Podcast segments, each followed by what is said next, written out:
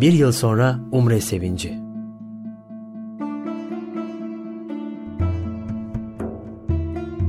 Hicretin yedinci yılıydı. Bir yıl önce yapılamayan Umre'nin gerçekleşme vakti gelmişti. Sevgili Peygamberimiz ashabına Umre için hazırlanmaları emrini verdi.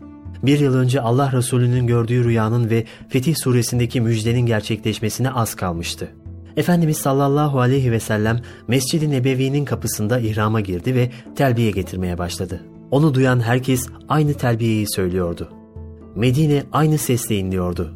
Lebbeyk, Allahümme lebbeyk, lebbeyke la şerike leke lebbeyk, innel hamde ve nimete leke vel mülke, la şerike lek.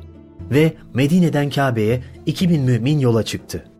Derken Kabe'ye gelinmişti. Allah Resulü ve Kabe artık yan yanaydı. Müminler Peygamber Efendimizle birlikte umre vazifelerini yerine getirdiler. Sayılı günler çabuk geçmişti. Ve üç günü Kabe'de doyasıya ibadetle geçiren Müslümanlar dördüncü gün yeniden Medine yoluna düştüler. Geçen üç günde Müslümanlar hal dilleriyle Mekke'ye İslam adına çok şey anlatmışlardı. Müminlerin gelmesiyle Kabe'ye adeta can gelmişti. İnsanlar Müslümanların ibadet şeklini görme fırsatı bulmuş, gönüllere İslam adına tohumlar atılmıştı. Bu umreden hemen sonra Halid İbni Velid, Amr İbni As, Osman İbni Talha gibi Mekke'nin önde gelenleri İslam'ı seçerek Efendimiz'e tabi oldu. Önceki hayatlarının altında ezilmiş olmanın mahcubiyetiyle af dileyen bu insanlara Allah Resulü'nün cevabı çok netti. İslam, Müslüman olmadan önceki hataları temizler. Bu güzel gelişmeden sonra Hudeybiye Anlaşması'nın fetih olduğunu artık herkes görmüştü. Bir yıl önce Hudeybiye'den geri dönülmüş, Mekke'ye girilememişti. Ama bir yıl sonra Yüce Allah Mekke'de gönüllere girmeyi lütfetmişti. Bundan sonra da insanların İslam'a ve Allah Resulüne yönelişi hızlanarak devam etti. Barış zemininde İslam adına tebliğ ve irşat görevi yerine getirilirken Allah Resulünü ve müminleri üzen bir hadise yaşandı. Efendimizin Busra valisine yazdığı bir mektubu götüren elçisi Hazreti Haris, Belka denilen bir mevkiden geçerken oranın valisi Şurahbil tarafından şehit edilmişti. Bu affedilecek bir hareket değildi. Çünkü elçilere en zorlu şartlarda bile asla dokunulmazdı. Bunun üzerine eşkıyalığı kökünden kazıma adına meselenin üzerine gidilmesine karar verildi. Gidilecek yer Bizans hakimiyeti altında olduğu için hazırlıklar çok sıkı tutuldu. 3000 kişilik İslam ordusu yola çıkarken Efendimiz sallallahu aleyhi ve sellem elçisinin şehit edildiği yere kadar gidilmesini ve oradaki insanların İslam'a davet edilmesini istedi. Ancak yolda giderlerken Bizans'ın 200 bin kişilik bir ordu hazırladığı haberi geldi. Ve Müslümanlar sayıca kendilerinden çok fazla olan bir orduyla karşı karşıya kaldılar. Mu'te adını alan bu savaşta İslam ordusu sayıca az olmasına rağmen çok büyük kahramanlıklar gösterdi. Ordunun kumandanı Hazreti Halid'in başarılı taktiğiyle Bizans savaştan geri çekilmek zorunda kaldı.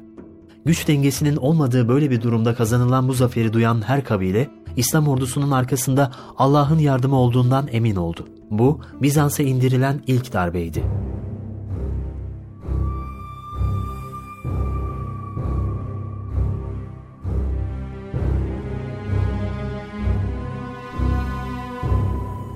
Anlaşma bozuluyor. Hicretin 8. yılının Şaban ayıydı. Hudeybiye anlaşmasının üzerinden 22 ay geçmişti ki bir sabah namazından sonra Peygamber Efendimiz'e Mekke'den üzücü bir haber geldi. Kureyş, Hudeybiye barışıyla güvenlik kazanan Huza'a kabilesine gece baskını düzenlemişti. Kimseye bir zararı olmayan, sessizce kendi yurtlarında yaşayan bu insanlardan 23 kişiyi öldürmüşlerdi. Üstelik bunların çoğu kadın ve çocuktu. Bu açıktan Hudeybiye anlaşmasının ihlali demekti. Peygamber Efendimiz durumu kendisine ileten ve ondan yardım isteyen Huza liderini sana yardım edilecektir diyerek rahatlattı. Hicaz'da barışın sağlanmaya çalışıldığı bir dönemde Mekke'de bu tür bir olayın yaşanması onu çok üzmüştü. Kureyş'e bir elçi göndererek durumu değerlendirmesini istedi. Ancak Kureyş hem bu işi yaptığını inkar ediyor hem de anlaşmayı feshettiğini söylüyordu. Kureyş böyle demişti demesine ama bir yandan da yapılan bu yanlış hareketin başlarına dert olacağını çok iyi bildiğinden tedirgindi. Yıllardır rahat yüzü göstermedikleri Müslümanların gücünden şimdi korkuyorlardı. Hem barışı koruyamayan hem de savaşı göze alamayan bu insanlar aralarında konuşup görüştüler ve en sonunda liderleri Ebu Süfyan'ı Medine'ye göndermeye karar verdiler. Anlaşmayı bile bile bozmuş olmalarına rağmen ara buluculuk niyetinde olan Ebu Süfyan, Allah Resulü ile konuşup anlaşmayı yenilemesini ve süreyi de uzatmasını isteyecekti. Efendimizin yanına varınca hiç vakit kaybetmeden konuya girdi. Ya Muhammed ben Hudeybiye anlaşmasında yoktum. Şimdi gel de o anlaşmayı yenile ve süresini de uzat. Mekke'de öldürülenlerden ve barış anlaşmasının ihlalinden haberi yokmuş gibi davranıyordu. Yeni bir konuyla gündeme gelmiş, doğrudan sözleşmenin yenilenmesini ve sürenin de uzatılmasını istemişti. Allah Resulü ona, bundan önce bir hadise çıkarmış olmayasınız, diyerek olanları hatırlatmak istedi. Ebu Sufyan ise yine hiçbir şey olmamış gibi cevap verdi. Biz hala Hudeybiye'de imzaladığımız anlaşma üzerindeyiz. Onu ne değiştirir ne de bozarız. Bunun üzerine Allah Resulü esas hala Hudeybiye anlaşması üzerinde olanlar bizleriz. Onu ne değiştirdik ne de bozduk buyurdu. Ebu Sufyan sürekli aynı şeyleri söyleyip duruyordu. Huzalılara yaptıklarından ve barışı bozduklarından hiç söz etmiyordu. Onun bu hali Efendimizin hiç hoşuna gitmedi ve aynı şeylerin tekrarlandığı bu konuşmayı daha fazla sürdürmedi. Ebu Süfyan o gün Hazreti Ebu Bekir, Hazreti Ömer, Hazreti Osman, Hazreti Ali, Saad İbni Ubade başta olmak üzere Medine'nin ileri gelenlerini dolaşarak aynı şeyi onlara da anlattı. Ancak bütün bu konuşmalardan bir sonuç çıkmadı. Ve Ebu Süfyan devesine binip Mekke'nin yolunu tuttu. Ebu Süfyan'ın ayrılışından bir süre sonra Allah Resulü Hazreti Ayşe validemize yol hazırlığı yapmasını söyledi ve bu işi gizli tutmasını istedi. Müslümanlar Allah'ın izniyle Mekke'ye gidecekti ama Peygamberimiz bunu yaparken kan dökülmesini istemiyordu. Savaş zemini oluşmasına fırsat vermeden sürpriz bir şekilde Mekkelilerin karşısına çıkmayı planlıyordu. Bu sebeple Medine'den Mekke'ye haber sızmamasına dikkat ediliyordu. Alınan tedbirlerin yanında sevgili Peygamberimiz Yüce Mevla'ya sürekli dua ediyor, Allah'ım Kureyşlilerin kulaklarıyla gözlerini bağla ki onlar bizi hiç beklemedikleri bir anda ve sürpriz bir şekilde ansızın görüversin. Yani yanı başlarına kadar geldiğimizi de ancak karşılarına çıktığımızda fark edebilsinler diyordu. Diğer yandan her tarafa elçiler gönderilip bütün Müslümanlara haber salındı. Allah ve Resulüne iman eden herkes Ramazan ayı ile birlikte Medine'de hazır olsun. Bu davetle birlikte müminler cemaatler halinde akın akın Medine'ye geldiler. Bir süre sonra o güne kadar Müslüman olmuş herkes Medine'deydi. Hicretin 8. yılının Ramazan ayında bir çarşamba günü 10 bin Müslüman Efendimizin ardında Medine'den Mekke'ye doğru yola çıktı. Mekke yakınlarındaki Merrüz Zehran denilen vadiye geldiklerinde hava kararmış, yatsı vakti olmuştu. Ordu burada konakladı. Sonra da her biri topladığı çalı çırpıyı bir araya getirerek yerde bir ateş yaktı. Diğer yanda Kureyş'in bu olup bitenlerden hala haberi yoktu. Barışı ihlal etmelerinin ardından uzun zamandır Medine'den haber alamamaları onları iyice tedirgin etmişti. Sonunda etraftan haber toplamak üzere Ebu Süfyan'la birlikte Hakim İbni Hizam'ı Medine istikametine gönderme kararı aldılar. Yolda giderken karşılaştıkları Büdeyl İbni Verka da onlara katıldı ve birlikte Medine'ye doğru ilerlemeye başladılar. Gecenin karanlığında Merüz Zehran'a geldiklerinde büyük bir şok yaşadılar. Karşılarında kocaman bir ordu duruyordu. Manzarayı korkuyla izlerlerken asaptan bazıları arkalarından onları sarıverdi. Ebu Süfyan ve arkadaşları kısa bir süre sonra Allah Resulü'nün karşısındaydı. Mekke lideri artık eski bir yolun sonuna yeni bir dönemin başlangıcına gelmişti. Gönüller Sultanı Efendimizin ve asabın gücünden, hal dilleriyle, İslam'ı temsillerinden, samimiyetlerinden ve dik duruşlarından çok etkilenmişti. Sonunda titreyen dudaklarından şu sözler döküldü Ebu Süfyan'ın. Ben şehadet ederim ki Allah'tan başka ilah yoktur. Ve yine ben şehadet ederim ki Muhammed de Allah'ın Resulüdür.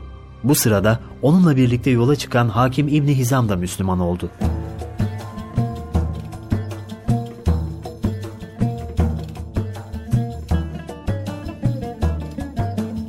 Gönüllerin Fethi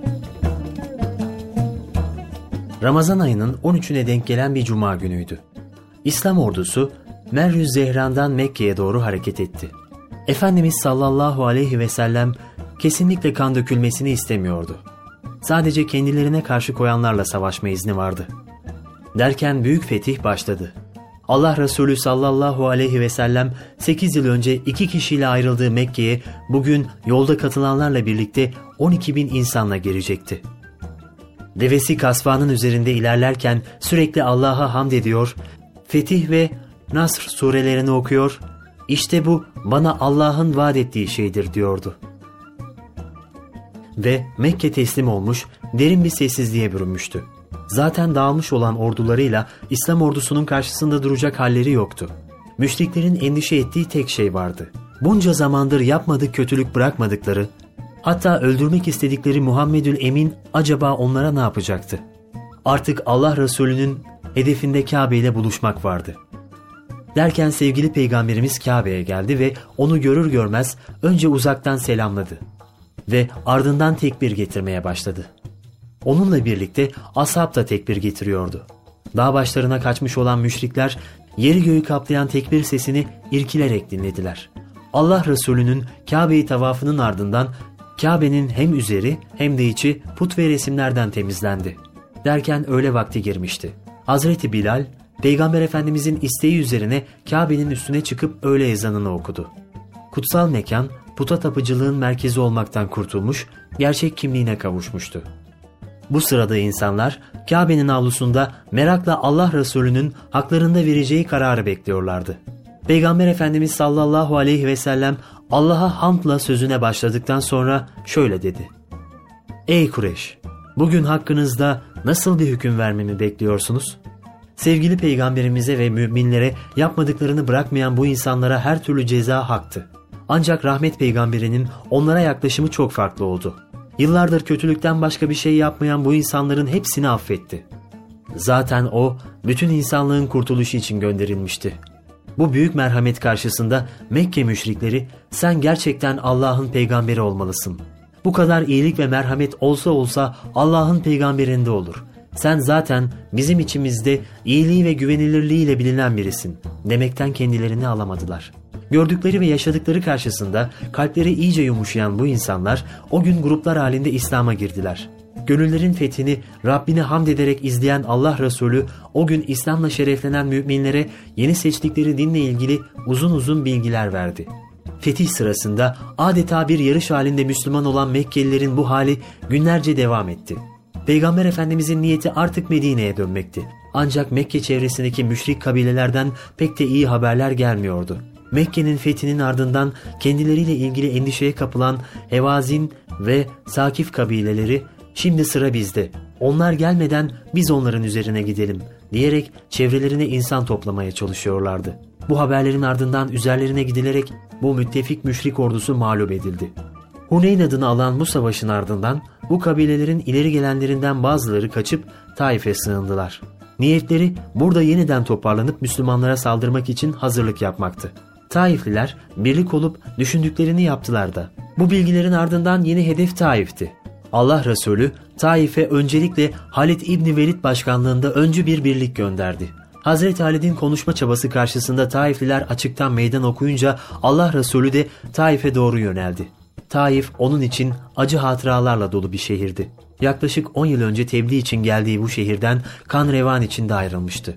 Ne var ki Taif yine aynı Taif'ti. Aradan geçen yıllarda inanç adına yaşanan onca güzelliğe rağmen hala inkarda ısrarcıydı. Taif'e yaklaşıldığında tekrar konuşma isteğinde bulunulmasına rağmen Taifliler bu teklife ok, taş ve mancınıkla cevap verdiler. Ve kuşatma başlamış oldu. Ancak aradan 20 günden fazla zaman geçmesine rağmen müsbet bir sonuç alınamadı. Allah Resulü kuşatmayı kaldırdı ve İslam ordusu Taif'ten ayrıldı. Geri dönerken Allah Resulü Taif kalelerine doğru döndü ve ellerini açarak şöyle dua etti. Allah'ım Sakiflilere de hidayet nasip et ve onların geçim sıkıntılarını başlarından gider. Onları da aramıza getir.''